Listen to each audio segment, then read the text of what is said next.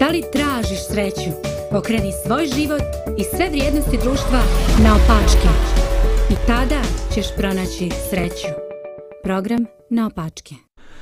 Dobar dan, dragi gledalci i slušalci Radija Pomirenje. Pozdravljamo vas i ovog jutra. Pozdravljamo u mom Pozdravljam u studiju moje kolege Zdravka i Milana. Nadam se da ste dobro i zdravo ovog jutra. Pozdrav i tebi. Dobro, Zdravko nam se nešto zagledao. Ove... E, pozdrav, pozdrav. Vjerovatno misli na svoju dragu ženu. Na koga ću pobogu, brati? Ove, dobro, ne znamo uh, da li je tu i naša koleginica Marija. Ako je ona tu, pozdravljamo i nju. Ona nam se obično javlja iz njenog grada Dervente. Ako je nije tu, vjerojatno ćemo se uključiti danas. A, dobro, danas ćemo da Ona razgovaramo... Devet. E, hvala. Danas ćemo čuje da... Čuje nas. E, čuje nas i Marija. Važi, pozdrav Marija. Pozdrav. A, dobro. A evo danas ćemo da razgovaramo o temi biti optimista ili pesimista u životu. I dali smo jedno ili drugo.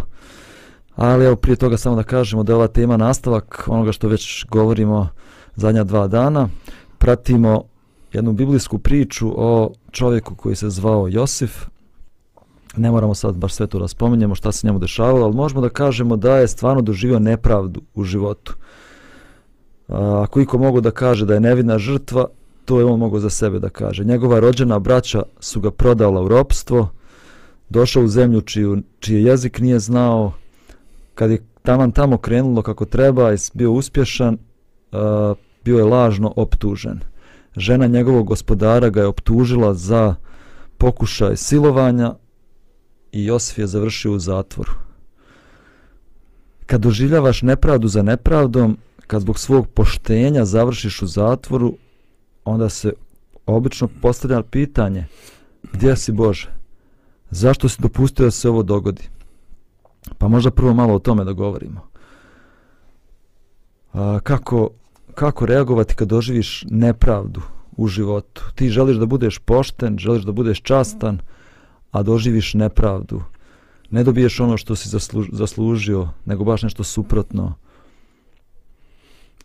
Pa uglavnom mi nismo spremni da to doživimo i znači ne planiramo kako ćemo reagovati. Dakle, nepravda je nešto što je vas da iznenađenje a o čim je iznenađenje nemamo plansku reakciju, nego imamo neku reakciju, neki impuls ovaj, koji je ili naučeni obrazac ili nešto što potiče od temperamenta ili je to dvoje isto, nemam pojma. Ali ovaj, e, uglavnom ovo je uvijek skopčano dakle, s tim faktorom o, šokiranosti i iznenađenosti. Reakcije su različite, ali uf, ja bi volio kako to da isplaniram, kad bi znao. da, možda i da odgovorimo na pitanje, pošto mi evo svi vjerujemo u Boga. Zašto je Bog dopustio se ovako nešto dogodi? Da, zašto je Bog dopustio da on zbog svog poštenja... Uh, da zbog za, svog poštenja, da. Da završi u zatvoru. Hmm. Ovaj, evo, ljudi, ja ne mogu zaboraviti onu riječ iz molitve oče naš, da bude volja tvoja i na zemlji kao na nebu. Znači, to je priznanje da se Božja volja ostvaruje na nebu, ali da je u, u, u, u ograničenom opseku se ogra, ovaj, dešava na zemlji. Znači, nije ono što vidimo i što nam se dešava Božja volja, iako Bog nije napustio zemlju, iako interveniše, znači, postoje tu neki, neki ovaj, neka sabiranja sile, neka interakcija dobra i zla i djeluje jedno i drugo ovaj, znači nije, nije ovaj svijet po Božjoj volji, nije doveden u status Božje volje. Da, i to ne funkcioniše tako da kad mi učinimo nešto što je dobro i pravedno, mi automatski budemo odmah nakon toga nagrađeni. Uh, šta više... E, šta više. Šta više. e, to je ono, to je ono moj Milane, ja, ja ukose grane. Da. I nastradamo zbog toga što smo postupali ispravno. I, i, i I milioni ljudi u svijetu su poginuli zbog toga što su, a, zato što nisu htjeli da se pokore nekom zlu, hajde tako kažemo, i što su živjeli po, po nekim nekim načelima pravde koji su, koji su njegovali i zbog toga su nastradali. Znači, ne možemo gledati tako kratkotrajno pa čak ni za ovaj život ne možemo gledati, a kamoli na neke kratke staze. Znači, kod Josifa smo mogli vidjeti da je ta njegova pravda ipak na kraju bila nagrađena. Međutim, mnogi ljudi su završili svoj život na ovoj zemlji da nikad nisu vidjeli te, te pravde, da su nezasluženo okončali svoj život kao neki zločinci, kriminalci, iako su bili pravedni. Dobro, i kako to da objasnimo? Ako postoji Bog koji je dobar, koji je pun ljubavi, zašto onda mi koji želimo da budemo njemu odani i vjerni prolazimo kroz takve stvari? E, to ti samo želiš. To ne znači da je to realizovano, da je to stvarnost. Ovaj, e, znači, čovjek je, kad želi, on je na početku puta. I e, kao što u njemu ima dobro i zlo, tako i obe sile polažu pravo na njega i djeluju, svaka od te dve sile djeluje kroz čovjeka sa onim što je čovjeku ostalo od te sile, njeno vlasništvo. Ovaj, sjećaš se onoga u Gecimani kad Isus ovaj, posle molitve kaže učenicima evo ide knez ovoga svijeta i u meni nema ništa. Šta to znači? Ko od nas može reći da knez ovoga svijeta u njemu nema ništa? Nema ništa zašto bi se mogao uhvatiti, bilo po nekoj pravnoj osnovi kao ono jeste vidjeli slugu mog Jova, bil, ili, ili kad se raspravlja Sotorna za ovaj, Mojsijevo tijelo, ovaj ili da jednostavno nema neki moment, neka poveznica koju on u nekom kritičnom trenutku može iskoristiti kao iskušenje ovaj protiv nas. Da. Ja bih htjela... Može, može, Marija, izvoli. Možda malo drugačiju perspektivu. Uh, čitala sam neke komentare o ovom tekstu uh, i neki autori imaju jako zanimljivo razmišljanje što dodatno govori o Josifovom karakteru. Uh, mislim, činjenica je iz teksta da je on bio rob ovog gospodara, a znamo da su gospodari mogli sa robovima da rade šta god žele, čak i da ih ubiju ali posle ovog da kažem incidenta velikog koji si pomenuo, uh, Petefrije nije zabrao da ubije Josifa nego da ga baci u zatvor, što očigledno ukazuje na to da to njegovo poverenje koje je imao i dalje je postojalo. E sada, meni je jako zanimljivo, pročitala sam da jedan autor kaže da Josif uh, s obzirom na to poverenje koje je postojalo, mogao je da kaže nešto u svoju korist i da s obzirom na ceo tekst, očigledno je Petefrije više verovao njemu nego svojoj ženi. Međutim, to bi dovelo to bi napravilo takvu situaciju da bi on osramotio tog samog svog gospodara koji mu je pružio toliko poverenje da bi sebe opravdao. I na neki način Josif bira da ne ugrozi gospodara jedinog u Egiptu kojemu je tada ukazao takvo poverenje i sve mu dao ruke i da sačuva i njegovu čast, ne reći ništa o, o tako nečasnom delu njegove žene, a da na neki način možda žrtvuje sebe i da se prepusti u Božje ruke da Bog izvede tu njegovu pravdu i pokaže njegovu nevinost što na jedan zanimljiv način pokazuje koliko je on poverenje sve vreme imao u Boga, da čak i ako prećuti, Bog će se pobrinuti da se to reši na jedan dobar način. Dobro, super.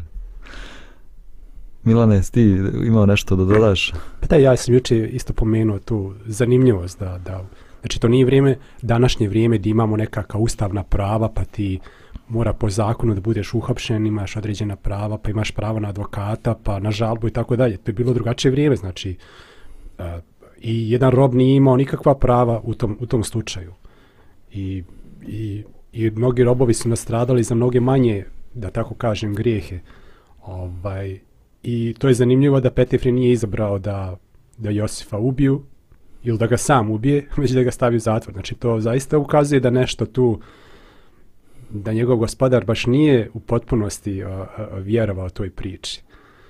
Ali vjerovatno, e sad, da li je zaista postojao nekakav dogovor kao što što Marija ovdje a, navodi između Josifa i Petefrija, kako će, kako će Josif biti kažnjen i šta će biti s njim, ili je to Petefrije sam u svojoj glavi odlučio da je ipak bi time proglasio svoju ženu lažljivicom i da bi, da bi to bilo nemoguća situacija Morao skinuti jedno od njih dvoje.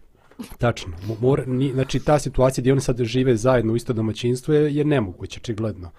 I sad da li je, da li jednostavno to našao kao neko kompromisno rješenje kako da, da Josip sačuva živu glavu, a da opet se ne zavadi sa ženom i da je ne osramoti u principu, jer bi to značilo da je ona lažljivca. Kako je sad, a onda bi opet bilo pitanje, a odakle i onda Josifova haljina u rukama i onda bi to otišlo predaleko, ali tako? Znači to je, to je sad neki, s- sad ja onako pokušam da stignem tok njegovih misli, a sad da li je zaista postojao neki razgovor između Petrefija i Josifa i, i neki možda dogovor između njih, to sad nam Biblija ostavlja neotkrivenim. Sumnja. Dobro. E, Ne, ja nisam mislila da postoji dogovor, nego da sam Josif e, nije odlučio, iako je možda imao prilike, nije odlučio da ugrozi Petefriju bilo kakvom ikakvom izjavom, jer ne postoji nikakav zapis da je on pokušao, barem da je pokušao da se odbrani i da dokaže svoju nevinost, nego je čutao i otišao je u zatvor. Da, okej. Dobro, u principu ja kad čitam Bibliju i ove ovakve događaje, nisam toliko zainteresovan za svaki detalj te priče, više sam zainteresovan šta ja mogu lično da naučim iz toga. Tako više bih volio danas da mi pričamo o tome šta mi možemo da naučimo iz svega ovoga, koje pouke možemo da izvučemo iz njegovog života, pa da se vratimo na priču o poštenju i o, i o patnji. A, malo smo načeli tu temu, ali možda malo da je produbimo. Da li patnja ima neku svrhu u našem životu? Ili je to samo nešto što nas pogodi zato što živimo na ovoj zemlji koja je puna zla, pa je trpi koliko možeš, proće valjda i to nekada, ili možda ta patnja i takvi neki događaj imaju i neku svrhu u našem životu. I onda da se vratimo na pitanje zašto i Bog dopušta takve događaje ili čak i patnju u našem životu. Mm. Sad, nadam se neću puno skrenuti sa teme, ali sad tu se javljaju neka dva pristupa zašto čovjek želi da služi Bogu. Jedan jeste da mu bude dobro, jel tako? Ako ja služim Bogu i činim ono što je Bogu ugodno, e onda će Bog mene da nagradi i da me blagoslovi sa, ne znam, sa zdravljem, bogatstvom, dugim životom ili šta već priželjkim u svom srcu. A drugi pristup je, ovaj, ne, ja služim Bogu zato što je to ispravno i zato što je Bog jedini pravi istiniti kome, kome vrijedi služiti, bez obzira na posljedice. Znači, to su sad ne, neka dva pristupa. A, I u prvom pristupu sad možda čovjek kad vidi da, da mu služenje Bogu donosi štetu u njegovom životu, možda se pokoleba i odustane. I okrene leđa Bogu i pođe nekim drugim putem. A čovjek koji služi Bogu zato što je to ispravno, a, bez obzira kakve bile posljedice, on ne može da skrene na neki lažni pogrešni put. A, I radije će da pretrpi štetu, možda čak i izgubi život, a, ali da, da ostane vjeran Bogu i onome što vjere da je ispravno. To sad govorim u smislu toga a, odnosa prema patnjama. A, ovaj, ali mislim da, da, da u ovoj priči razmišljam samo o, sad o Josifu kakav je on bio prije nego što je prodat u robstvo. On je bio jedan pa možda dobar sin, ali ipak razmaženi sin svoga oca koji uživao, ne znam nija, ljubav veću od svih ostalih braće, imao je, imao je e, imao je dovoljno čega da, ne dovoljno čega da živi, već je imao, bio imućan, mogli bismo reći.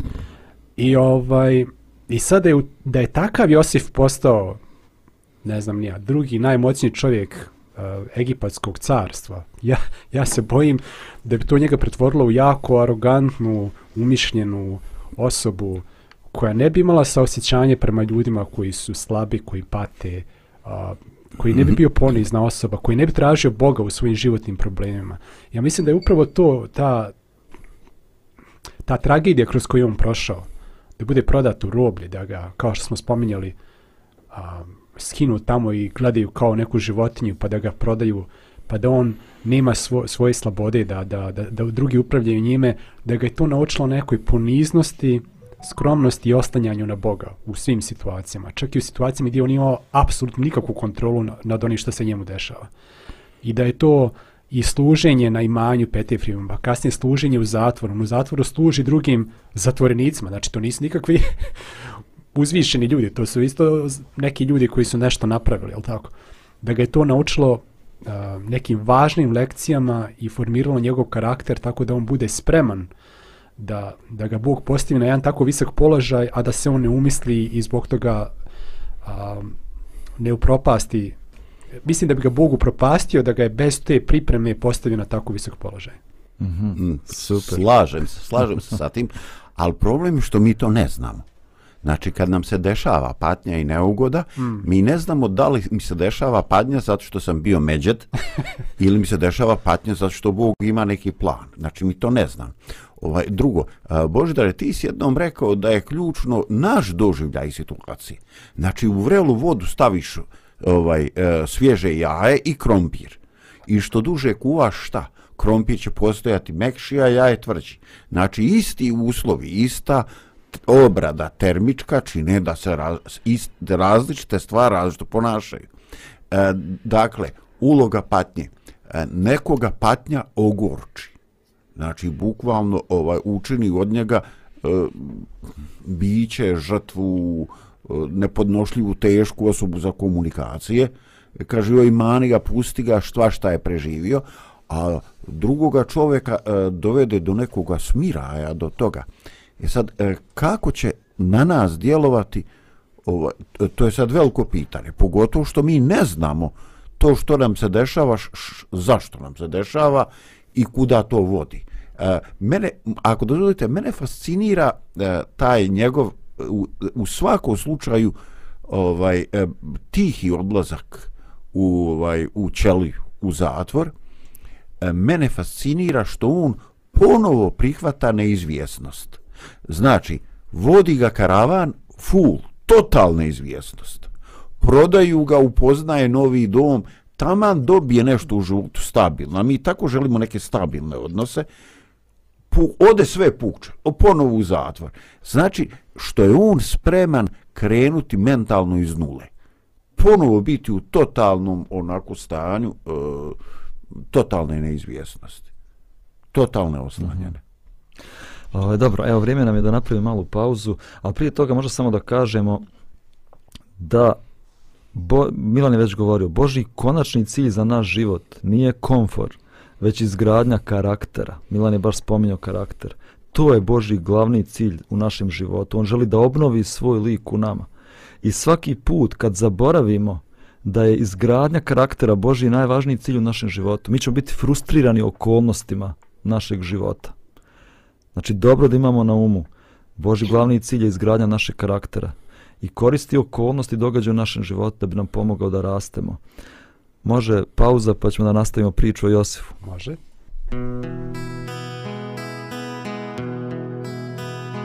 Sve je tužno, dan se bliži kraju. Netko ide, život svoj da da. Mjesto ruke, mnogi suze daju.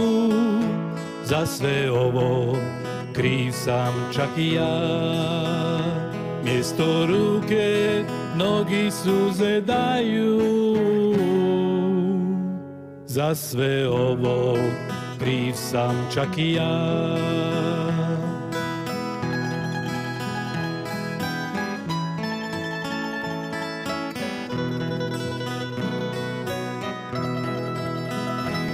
Ovim danom ne pjevaju ptice, sve je tiho, ko što pismo reče. Usnule su i na karti žice, Isus piva svoje zadnje veče. Usnule su i na harfi žice, Isus sniva svoje zadnje veče.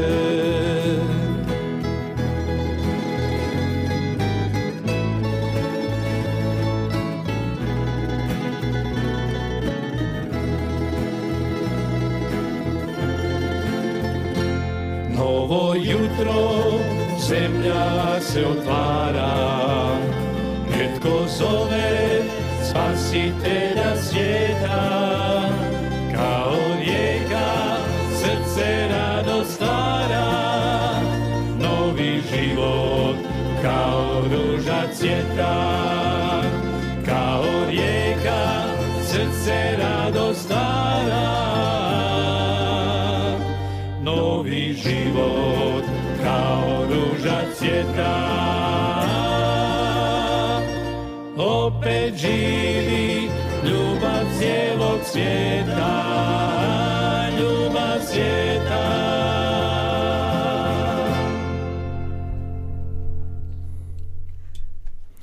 Evo nas nazad u programu, nastavljamo našu priču o Josifu, ali evo još malo ćemo da se zadržimo na ovim teškoćama u životu koje zadese poštene ljude, zašto se to meni dešava, zašto ja moram da prolazim kroz ovo.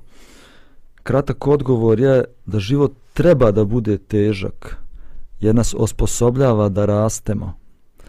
Niko ne voli teškoće, niko ne voli borbe, one su neugodne, neprijatne, ali bez teškoće nema rasta. Evo, uzmite za primjer djecu. Ako mi želimo da sačuvamo našu djecu od bilo kakve teškoće, od bilo kakve neprilike, mi mu skraćujemo da ostvare svoj puni potencijal. A samo kroz lične borbe djeca mogu da nauče, da izađu iz svoje komfort zone, da razviju upornost, da razviju vještinu rješavanja problema, da uvećaju svoj kapacitet da ostvare ciljeve i da doprinesu u svijetu. Ako djecu uključujemo samo one aktivnosti koje su njima lake, one nikad neće, oni nikad neće ostvariti svoj puni potencijal. Evo imam za vas jedan citat, lijep. Ako mogu nešto da... Može, može, može, citatom. može. Dok si to govorio, pada mi jedna slika na pamet. Da recimo kad sam viđao životinje kako postupaju sa svojim mladunčadi. ne znam da li ste vidjeli onaj video gdje je medvjedica se popela na vrh nekog brda a prekrivenog Jo, snijegom. ja sam, ja sam, baš je ekstra. I meč pokuša da se popne i vrlo je zahtjevan taj uspeh, em što je, em, em što je veliki, em što je snijeg i klizavo je. U jednom trenutku meče padne i gotovo dođe blizu i iskotrlja se skroz do, do dna. I sad ovaj... I, I misliš sad će majka da siđe dole pa da ga tačno. pogura. I, I međutim, ona to ne radi. Ona je na vrhu brda, prati ga, posmatra ga, na neki način ga bodri, ali nijednom prilikom ona se ne spušta dole da ga pogura. I to nije izolovan slučaj. Viđao sam mnogo takvih slučajeva. Recimo, ne znam, ja slonče pokušava da izađe iz korita rijeke ili, ili tako neke situacije, iz neke rupe ili nešto. Roditelj uvijek tu blizu, štiti, podržava, ali nikad ne gura.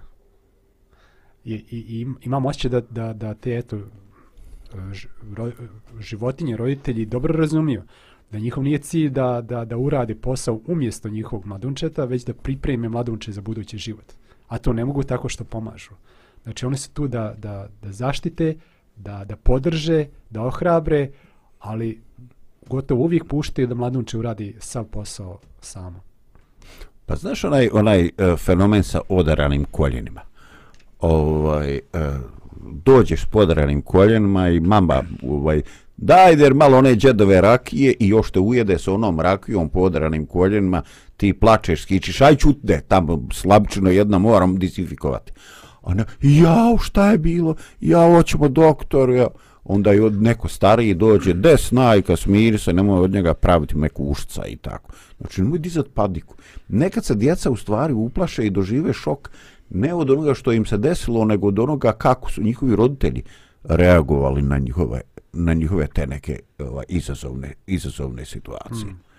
Ono što, što ti Bož kažeš, izlazak iz zone komfora, ovaj, eh, nema, nema bez toga ništa. Ovaj, definitivno mi, mi potencijalno pravimo invalide sa eh, koji imaju obe ruke, noge i sve ostalo, ali nisu u stanju da, da se uh, bore protiv boli. Naprimjer, odnos prema boli, tolerancija prema boli, je nešto što dijete koje na vrijeme nauči, ovaj, baš si mu dao određeni potencijal da može ići kroz život. Da. U kontekstu ovoga, znači, ako je Bog naš nebeski otac i ako um, kako tamo sta, kaže psalmu, kako otac žali sinovi, tako gospod žali oni koji ga se boji. Znači on žali, on se osjeća s nama i voli nas i želi nam uspjeh u životu, ali nije put do uspjeha da on odradi da nam ovo uzme i sad pronese. Mi moramo da prođemo kroz teškoće i nevolje. A, a, iako on nije daleko od nas. Znači on je tu kao, kao ona mečka, je tako? Ili kao ona slonica. On štiti, on bodri, on je tu blizu, ali mi moramo da, da sami, mislim sami, Jel tako? Da. Moramo, moramo na neki način da prođemo kroz, kroz tu teškoću i nevolju da bismo iz nje izašli jači. E, a moram, moram da vam kažem. E, ovaj, meni je onaj video sa mečkom i, i sa mladunčetom. Meni je on baš bio stresan. Majke mi, ja vidim da ona nije njega ostavila, ali ovaj meni je baš bilo ono nekako sam osjećao strah hoće li se ono iskobeljati. Malo je neizvjesno bilo da li će meče to da ušte uspije da se Da, kopne. ja sam se onda i malo istraumirao. Da, da, da, ja sam tako isto se osjećao, ali onda opet razmišljam, pa ne znam, zar su životinje mudrije od nas ljudi? Ja se sjećam koliko mi našu djecu, joj, nemoj ti, ja ću, sine, nemoj ti, molim te, evo, mama će, evo, o, napravimo invalide od naše djece, zato Ne, što... nemoj da trčiš, pašćeš. E, hoću da, hoću da se pomučim da kaj moje dijete ne bi moralo da radi. Pa šta ćeš kad mu se izmaknu neke, neke ovaj mogućnosti? Šta ćeš kad dođe u neku situaciju kad nema podrške? Da. Ali zašto se onda frustriramo u životu kad mi prolazimo kroz teškoće? Zašto ne shvatamo da je to u stvari način Božeg odgoja sa nama? Da Bog dopušta da prolazim kroz sve to zato da bih ja mogao da nešto naučim, da bi mogao da očvrsnem, da bi mogao da, da rastem. I baš je zanimljivo, Milan, što ti kažeš, Bog je tu u blizini. Kad čitaš taj izveštaj o Josifu, on stalno se provlači ta ista ideja i ta iste iste riječi. A gospod biješe s Josifom. I u tamnici tamo, baš u tom poglavlju isto kaže, a gospod biješe s Josifom. Nije ga vidio. Nije znao zašto se to dogodilo. Vjerovatno mu nije bilo prijatno tamo u tom zatvoru. Ali ipak nam tekst kaže, ali gospod je bio s njim. Pa govorit ćemo narednih dana i o tome kako je Bog to sve vodio. Ali evo za sad citat. Pogledajte, pogledajte šta kaže ovaj citat. Veoma mnogo propuštamo, jer ne vidimo blagoslove koji mogu biti naši u nevoljama kroz koje prolazimo. Sva naša stradanja i teškoće, sva iskušenja i probe, sve naše tuge i boli, sva naša progonstva i lišavanja života i ukratko sve stvari rade zajedno za naše dobro. Sva iskustva i okolnosti su Božji radnici kojima se dobro donosi nama. Pogledajmo sunce iza oblaka. Evo, volim da čujem vaš komentar. Da mi jako Pa evo, mnogo propuštamo što ne, ne vidimo blagoslove u nevoljama. Izvali Marija. Da se ja uključim da znate da sam tu. pa mislim da i u narodu je jako poznata ona izreka što te ne ubije, to te ojača. I da ti se ne dese neke loše stvari nikada te ne bi tako ojačale kao nakon njiho, njihovog dešavanja. E, mislim da to tu izreku doživljavaju čak i oni koji e, ni ne razmišljaju o, o Bogu i tako o njegovom postojanju. E, definitivno su neke stvari koje se dešavaju i koje budu teške a, nama mnogo korisnije nego da nam je bilo lagodno u životu ili da, što kažu isto u narodu, smo bili pod staklenim zvonom. I meni je isto palo to na pamet što si ti malo prirekao. Ja u tekstu nalazim kroz celu priču o Josifu da je Bog bio sa njim od početka do kraja, ali pisac ove priče izuzetno naglašava tim stihovima a, Bog beše sa Josifom onda kada je on bio rob i kad je bio u zatvoru i onda kad mu je bilo najteže. Iako je Bog bio sa njim i kad je postao premijer, u tekstu tada to tako eksplicitno ne piše kao onda kada je došao u zatvor, a, a nije bio kriv. I isto ima jedna uh, jako popularna uh, izjava za život jednog hrišćanina koja kaže nešto u smislu Bog mi nije obećao da će moj hrišćanski život biti bez muka i da neću proći kroz nijednu oluju, ali je obećao kada oluje dođu da će me on provesti kroz njih. I mislim da je za čoveka jako značajno uh, čak i kad prolazi kroz nevolje, bolje kroz nevolje zajedno sa Bogom nego kroz lagodan život bez njega. Jer on će zaista učiniti da taj put koji prođemo zajedno tako utiče na naš karakter da posle stvarno postanemo sve bolji i bolji ljudi. Mhm. Hvala ti Marija. Definitivno je to tako, samo što Zdravko reče da neki ljudi prođu kroz to i postanu bolji ljudi, neki postanu ogorčeni. Od čega to zavisi, a to ćemo pričati u sljedećem segmentu emisije. ovaj, samo da kažem isto, ja sam, čitam ovih dana jevrejima poslanicu. Tako čitam redom, sad sam na Novom Zavjetu, došao sam na te jevrejima poslanice i tamo čitam neki šokantan tekst. Parafraziram, znači, da je Isus prošao kroz patnju da bi bio usavršen patnja je usavršila Isusa. Znači čak i on, mi vjerujemo znači da on nije običan čovjek, da je on Boži sin, da je on došao na ovu zemlju da bude spasitelj, da nije imao u sebi grijeha, ali čak i on je morao proći kroz patnju da bi ga ta patnja usavršila. Ako je on morao da prođe kroz patnju, pa koliko više mi onda moramo da prođemo kroz to isto. Hmm. Eto, za razmišljanje, Evo razmišljam. Dok budemo razmišljati dok, ali dok budemo nemam, ovaj, nemam šta da kažem. dok budemo imali pauzu pa ćemo da nastavimo onda. Može.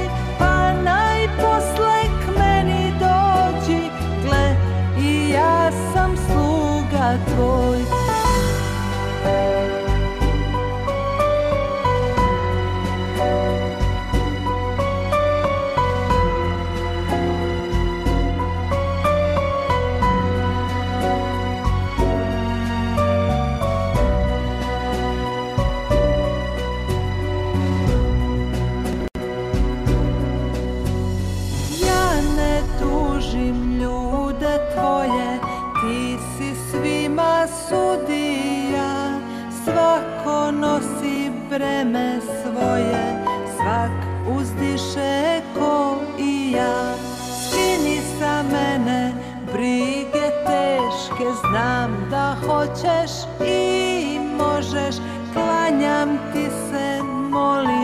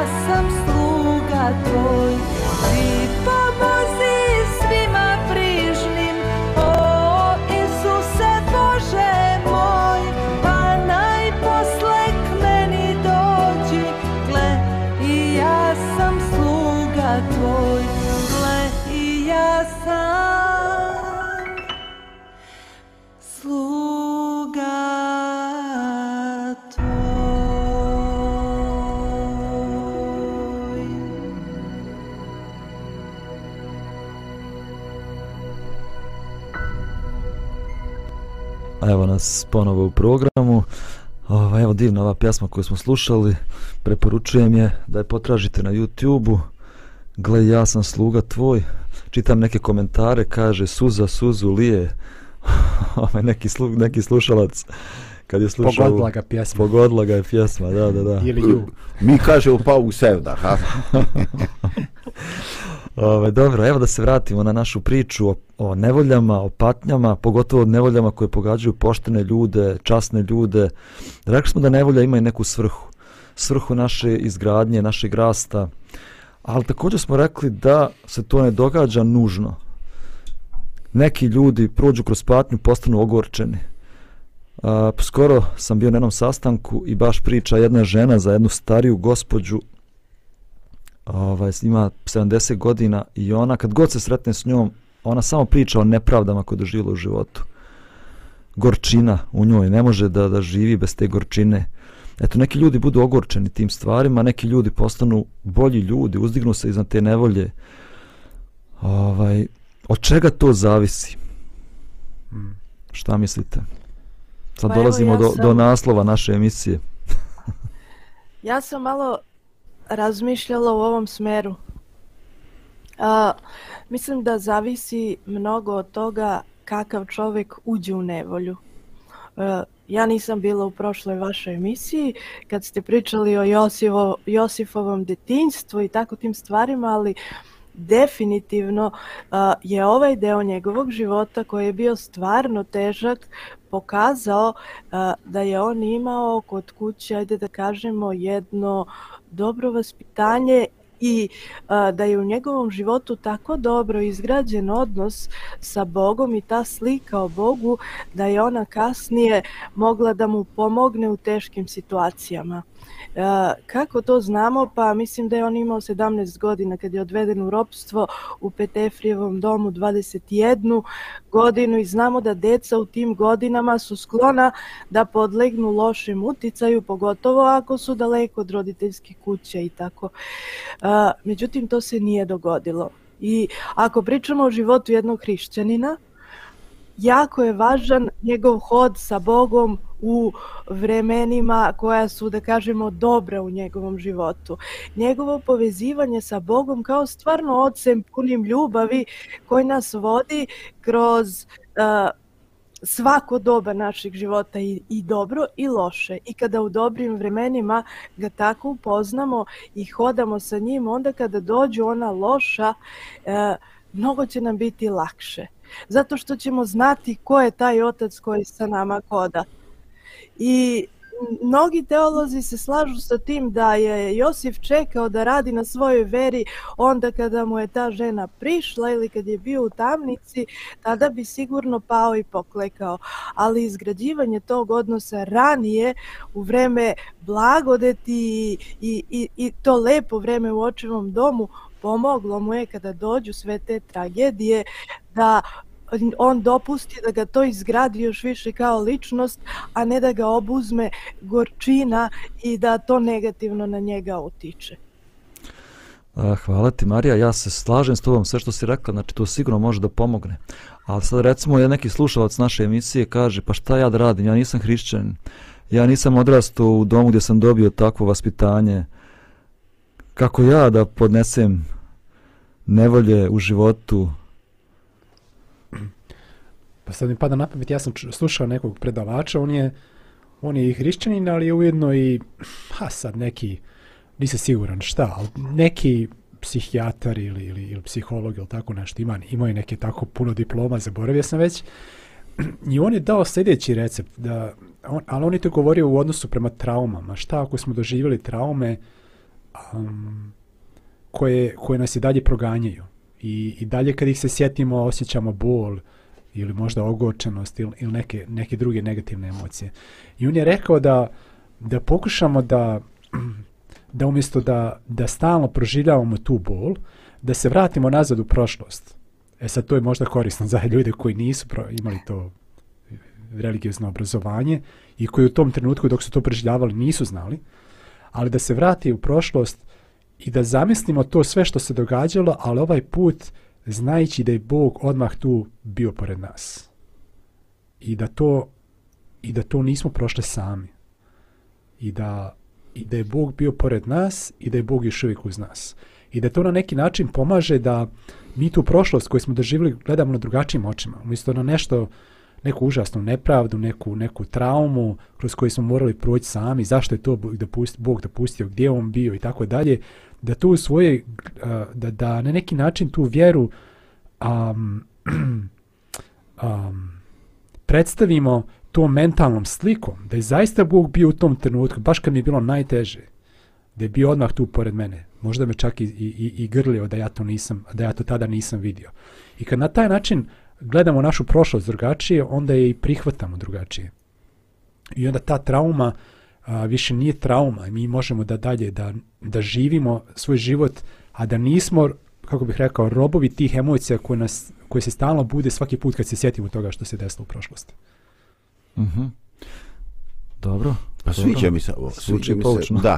Ovaj, e, mislim da je to na više mjesta spomenuto kao ovaj, tehnika suočavanja sa situacijom ovaj uz uh, uvođenje nekih novih uh, korektiva, neke nove svijesti, nekih novih saznanja ovaj, i onda to čovjek uh, iznova, iznova to sve proživi na osnovu nekog informacije koja je došla kasnije ovaj, i to ga jednostavno ovaj, jednostavno učini da to ne bude trauma koja se uh, ponavlja i vraća u život mm. kad god naiđe nešto što će ga asocirati ovaj asocirati na to što se desilo. Mm -hmm. Ovaj iako iako mi razmišljamo ljudima koji su doživjeli stvarno ovaj ekstremne situacije, šta znam. Upoznao sam čovjeka koji je dva put izlazio pred streljački stroj. Ovaj e, mm, i to ne samo streljački stroj u kome se ništa nije desilo, nego u kome se i dešavalo, ali je njega zaobišlo. Ovaj, e, ja ne znam može li on biti isti ali ovaj e, mislim da da njegova trauma ne može doći u stanje e, podnošljivosti normalnog života e, bez da taj korektiv svijesti u Božjoj prisutnosti bude čvrsto ugrađen u sve to i ovaj i ja sam upravo to i prepoznao na njemu. Razlog zašto je on još uvijek normalan i prijatan čovjek za komunikaciju je e, upravo to. Mhm. -hmm. O, da, definitivno slažem se s tim. Ali ja mislim također ima jedna druga stvar da postoje ljudi, ne, nebitno ni da li su hrišćani, nisu hrišćani, da li su vjernici ovi ili oni, e, da li su imali ovako vaspitanje ili nisu vaspitanje, koji su jednostavno optimisti u životu. A imaš i one druge koji su pesimisti i njih sam vidio svugdje, znači i koji su vjernici i koji nisu vjernici, i koji se mole Bogu i koji se ne mole Bogu, a jednostavno imaju stav u životu pesimizma. Čaša im je uvijek dopola prazna, kakvo god staviš u situaciju, sve loše, a imaš opet ljude koji su optimisti. Kakvu god situaciju ga staviš, on uvijek ima neku nadu, on uvijek vidi stvari pozitivno, a, dobro, vjerovatno to zavisi od svega što smo pričali, i od vaspitanja i od toga kakva smo iskustva u životu imali, ali nekad jednostavno stav ljudi u životu je bitan. Uh, evo da vam pročitam, ovo sam pročitao u nekoj knjizi, mnogo mi se svidjelo.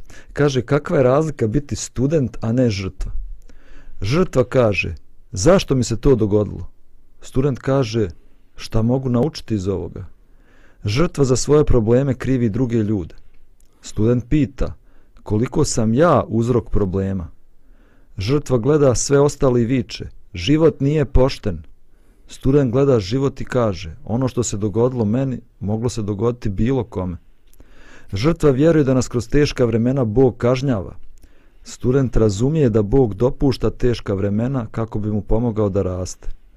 Žrtva će se radije žaliti nego pronaći rješenje. Student nema vremena da se žali, jer je zauzet da iz svoje situacije izvuče ono što je najbolje. Žrtva vjeruje da je predodređena za loše stvari. Student vjeruje da je Bog sposoban da preokrene situaciju kad god poželi. Žrtva se toliko sažaljeva da nema vremena za druge. Student se fokusira na pomaganje drugima, kako ne bi imao vremena za samo sažaljenje. Žrtva moli Boga da ukloni životne probleme kako bi mogao biti sretan. Student je kroz životne probleme naučio da je samo Bog izvor istinske sreće. Čoveče, podsjetio si me na onu starinsku pjesmu ovaj pesimist da se mlada za zelen bor hvati i on bi se zeleno srušio. Da. Kako, koliko jednostavno tako, koliko je stav u životu važan? Nekad su manje važne okolnosti, a mnogo je važniji naš stav u životu. Mislim da je to Pa, nešto što... definitivno, Izvoli Marija.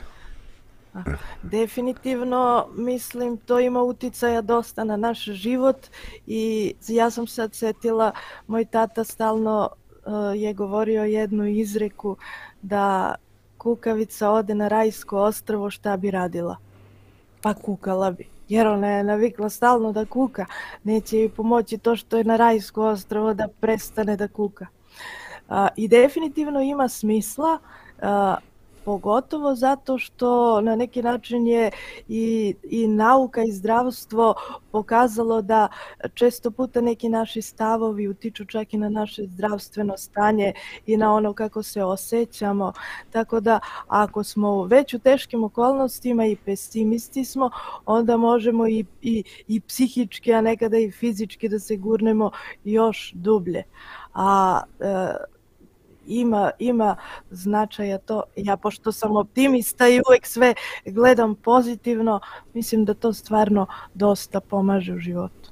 Evo, Marija je spomenula jedan važan aspekt koliko je, koliko je naše tijelo reaguje na naš stav kad su pitanju, to se posebno vidi u, u, kod bolesnih osoba, kod pacijenata u bolnicama i tako dalje, gdje postoje čak i naučne studije o tome, da oni ljudi koji su očekivali ozdravljenje, imali imali nekakav pozitivan stav prema terapiji koji uzimaju i koji su možda i i maštali i zamišljali šta će da rade nakon što ozdrave, da su ti imali daleko veći procenat ovaj ozdravljenja i daleko je brži bio oporavak nego kod onih koji su imali negativan stav. Što znači da, da naš stav nije samo, da kažem, a, ograničen na naše misli, na naš um, već da on dijeli na naše tijelo i vjerujem i konačno na, na okolnosti života. Um, I konačno koliko puta se, se je, je Hristos zbog nekog stava nije mogao da je, je mogao da učini čudo ili nije mogao da učini čudo. Šta je to nego stav kad neko, kad neko ne vjeruje da Bog može da mu pomogne? Šta je to nego negativan stav? Um, I mislim da, ali mislim da je to nešto što može da se uči. Nešto što, što čovjek može, čovjek možda ne može da kontroliše svaku misao koja se javi njegovom umu, ali može da kontroliše njihov tok i može da izabere da se ne, ne zadržava na, na jednoj misli i da je to nešto kao što možemo da da obrazujemo navike u ponašanju, da tako možemo da i da, da, da na neki način a, gradimo i navike u razmišljanju. A, a, a zar ima, i, a opet mislim da, da, da ljudi, vjerujući ljudi imaju daleko, da tako kažem, bolje uslove za, za optimistično razmišljanje, jer, jer je to optimistično razmišljanje zastavno mnogo više na, na duhovne realnosti koje poznaju nego osoba koja ne vjeruje da ima išta više od, osim ovog materijalnog svijeta. Jer u tom slučaju zaista postoje opravdani razlozi da neka čovjek bude i depresivan. Ali jedno okruženje gdje, gdje, gdje, Bog, gdje čovjek vjeruje da je, da je svemogući Bog a, ga vidi i poznaje i voli i želi da učestvuje i, i bude u njegovom životu i da, da Bogu nije ništa nemoguće, da, i da čak i kad ovaj, ovaj život i ovaj svijet završi svoje, da Bog tek onda sprema ono pravo, a, da je to stvara mnogo povoljnije, da tako kažem, a, mnogo, mnogo bolji temelj za jedan optimističan stav nego stav da nema Boga, a, svi ćemo mi ko je ikad ustao iz groba, svi ćemo mi ta, tako završiti hrana crvima i tako dalje. Znači, definitivno mi imamo više uh, a, vjerujući ljudi imamo više razloga i, i, i opravdanog razloga da budemo optimistični. Ali, više ali materijala, je, na Više materijala, da, da. znači možemo da gradimo kuću na jednom temelju, čvrstom temelju, da tako kažemo, ali dalje moramo da gradimo tu kuću, u smislu treba da naviknemo svoj um da, da razmišlja u skladu sa tom velikom duhovnom realnošću koju kažemo da vjerujemo. Da. Pa evo, meni se nameći jedna misa, ovaj, većina ovoga što smo pričali, ili, ajde da kažem, makar sam ja tako shvatio, uh, ovaj e, tiče se nekog ličnog iskustva i ličnog doživljaja e, realnosti koja je oko nas. Ovaj ali e, postoje jednostavno dobra i loša vremena. Postoje situacije u kojima se je relativno dobro većini ljudi ili je ovaj ili je prilično loše većini ljudi. Znači, ljudi koji danas žive na ajde ratom pogođenim područjima, ovaj, e, tamo nikome nije dobro. Ovaj, znači, tamo je izbor e, između zla i goreg. Ovaj, e, tako da, jednostavno, pitam se šta, šta kad čovjek bude ovaj, prisiljen da živi u nekom periodu koji će ući u istoriju. Ne bodaj Bože, ovaj, šalji šta hoćeš, ali nemoj samo da budem u istorijski važnom trenutku. Ovaj, jer to znači neku globalnu ovaj, patnju velikog broja ljudi. I e, umjesto da raspredam taj neki aspekt e, dalje, ovaj, možda da kažem da ljudi koji u tim teškim okolnostima smognu snage za malo vedrine, za neki pogled koji govori nije sve izgubljeno, ovaj, e, uzdaj se u Boga, da je njihov uticaj e, daleko sežan i da on stvara šansu ovaj e, da je on nevjerovatne vrijednosti ovaj kao jedna kao jedan tračak nade jer kad ljudi vide svjetlo na licu jednog čovjeka ovaj to može pobuditi potrebu da i oni sami ovaj pozitivno razmišljaju i da se uzdaju. Da, a i obrnuto. Onaj ko je pesimista, taj prenosi tu negativnu energiju, strah, nepovjerenje na druge ljude a optimista pozitivno djeluje i na druge ljude oko sebe. Da, to znači, ne samo da sebi pomaže, interakcija, već utiče i na druge ljude. A sad mi je mene podsjetio Zdravko na jednu izreku koja isto objašnjava zašto je na neki način potrebno da prođemo kroz neka teška vremena. Pošto je rekao dobra vremena i teška vremena, ne znam da li znate vi i naši slušalci onu poznatu iz, izreku koja definitivno se pokazala kao tačna. Dobri ljudi stvaraju dobra vremena. Dobra vremena stvaraju loše ljude. Slabe. Loši ljudi stvaraju loša vremena, a loša vremena stvaraju dobre ljude. I mhm. onda to tako ide u krug. I definitivno, mislim, narodna mudrost, da definitivno neka loša vremena utiču na ljude da oni se izgrade u dobre ljude. Znači da se zahvalimo Bogu za ova loša vremena u ovom našem društvu. Valjda će nešto i od nas nastati iz toga. Vjerujemo da hoće. Dobro, evo možemo još zadnju muzičku pauzu, neku kraću, pa ćemo da zaključimo ovu našu današnju temu. Može.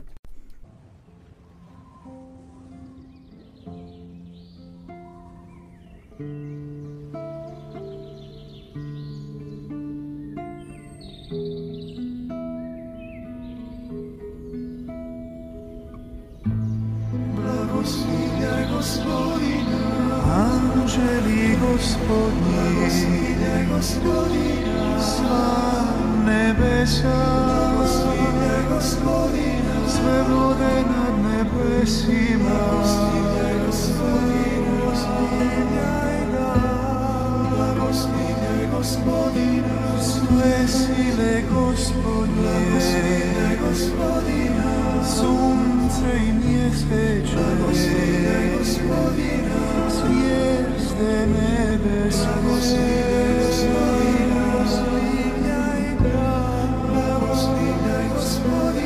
sve kiše i rose, svi vjetrovi, ognju i žare,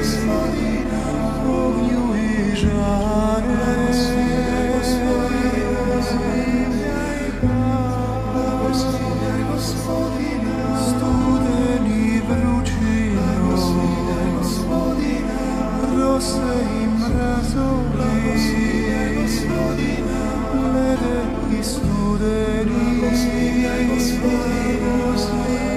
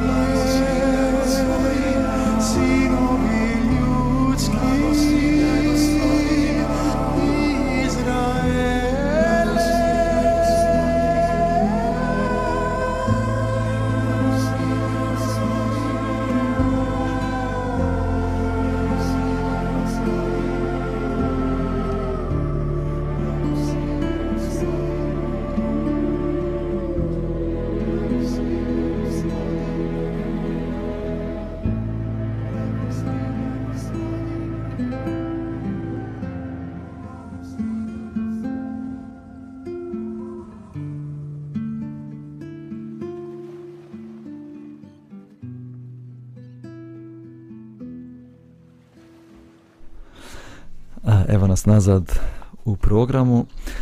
Evo da pokušamo da zaključimo ovu temu koju smo danas govorili o patnjama, o nevoljama, optimistima, pesimistima. Citat iz knjige Gulag arhipelago, Aleksandar Solženjicin. Kaže ovako, u opijenosti mladalačkog uspjeha osjećao sam se nepogrešiv i zbog toga sam bio okrutan. Na krilima moći bio sam ubica i tlačitelj. U trenucima najvećeg zla bio sam ubijeđen da činim dobro. I tek kad sam ležao na truloj zatvorskoj slami, osjetio sam u sebi prve posticaje dobra. Postepeno, otkriveno mi je da linije razdvajanja dobra i zla ne prolaze kroz države, niti kroz slojeve u društvu, niti kroz političke partije, već kroz ljudsko srce i kroz sva ljudska srca. I zato blagosiljam te zatvore, što si bio u mom životu. Wow, super. da, baš veličanstvo. Ako imate neki komentar, Zanimljivo možete... je kako ovaj, nekad dođemo do nekih istina sami, onda tamo pročitamo da je neko to napisao prije 100, 200 ili prije 2000 godina. Ali se sjećam da sam isto tako razmišljao kao tinejdžer, da sam u jednom trenutku shvatio da kad se neka loša osoba ponijela loše prema meni, da sad ta borba između zla prolazi ovako ravno kroz mene. E sad, da li ću, ako ja stanem i uzratim istom vjerom, onda je zlo pobjedilo ne samo tu osobu, već i mene. I zlo je pobjednik u tom sukobu. Ali ako ja se odoprem tom iskušenju i ne uzvratim zlo za zlo, onda sam ja ostao na strani, na strani dobro. Tako da je, da kad se na taj način gledaju sukobi, onda, onda se puno mudrije ponaša nego kad mislimo da ta linija sukoba između dobra i zla prolazi između dvije osobe ili između dva naroda ili između ne znam nija dvije grupe ljudi i tako dalje. Da. Pa mi upravo takvu tendenciju imamo da ovaj države dijele ima dobre i zle, stranke dobre i zle i tako, a u suštini Bože, ti si to već pročitao, dobro uvijek ide e, kroz naše srce. Tu je razdjelnica, tu je međa. I tu je ta užasna granica.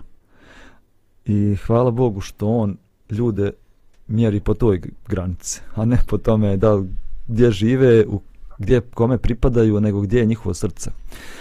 Dobro, a, nastavit ćemo priču o Josifu naredne sedmice kada budu na redu emisije na opačke. Do tada pozivamo vas, dragi slušalci i gledalci. Preporučujemo također program naše kolege Zdravka u 1 sat. A Milan je obećao da će reći kad će početi sa svojom emisijom. Um, evo, Da dam malo na vremenu. obećao sam, ali Znači, ne znamo još tačan datum. ne jel znam još. Dobro, nadamo se uskoro. Važi, lijep pozdrav i do slušanja i gledanja. Pozdrav. Pozdrav. Pozdrav.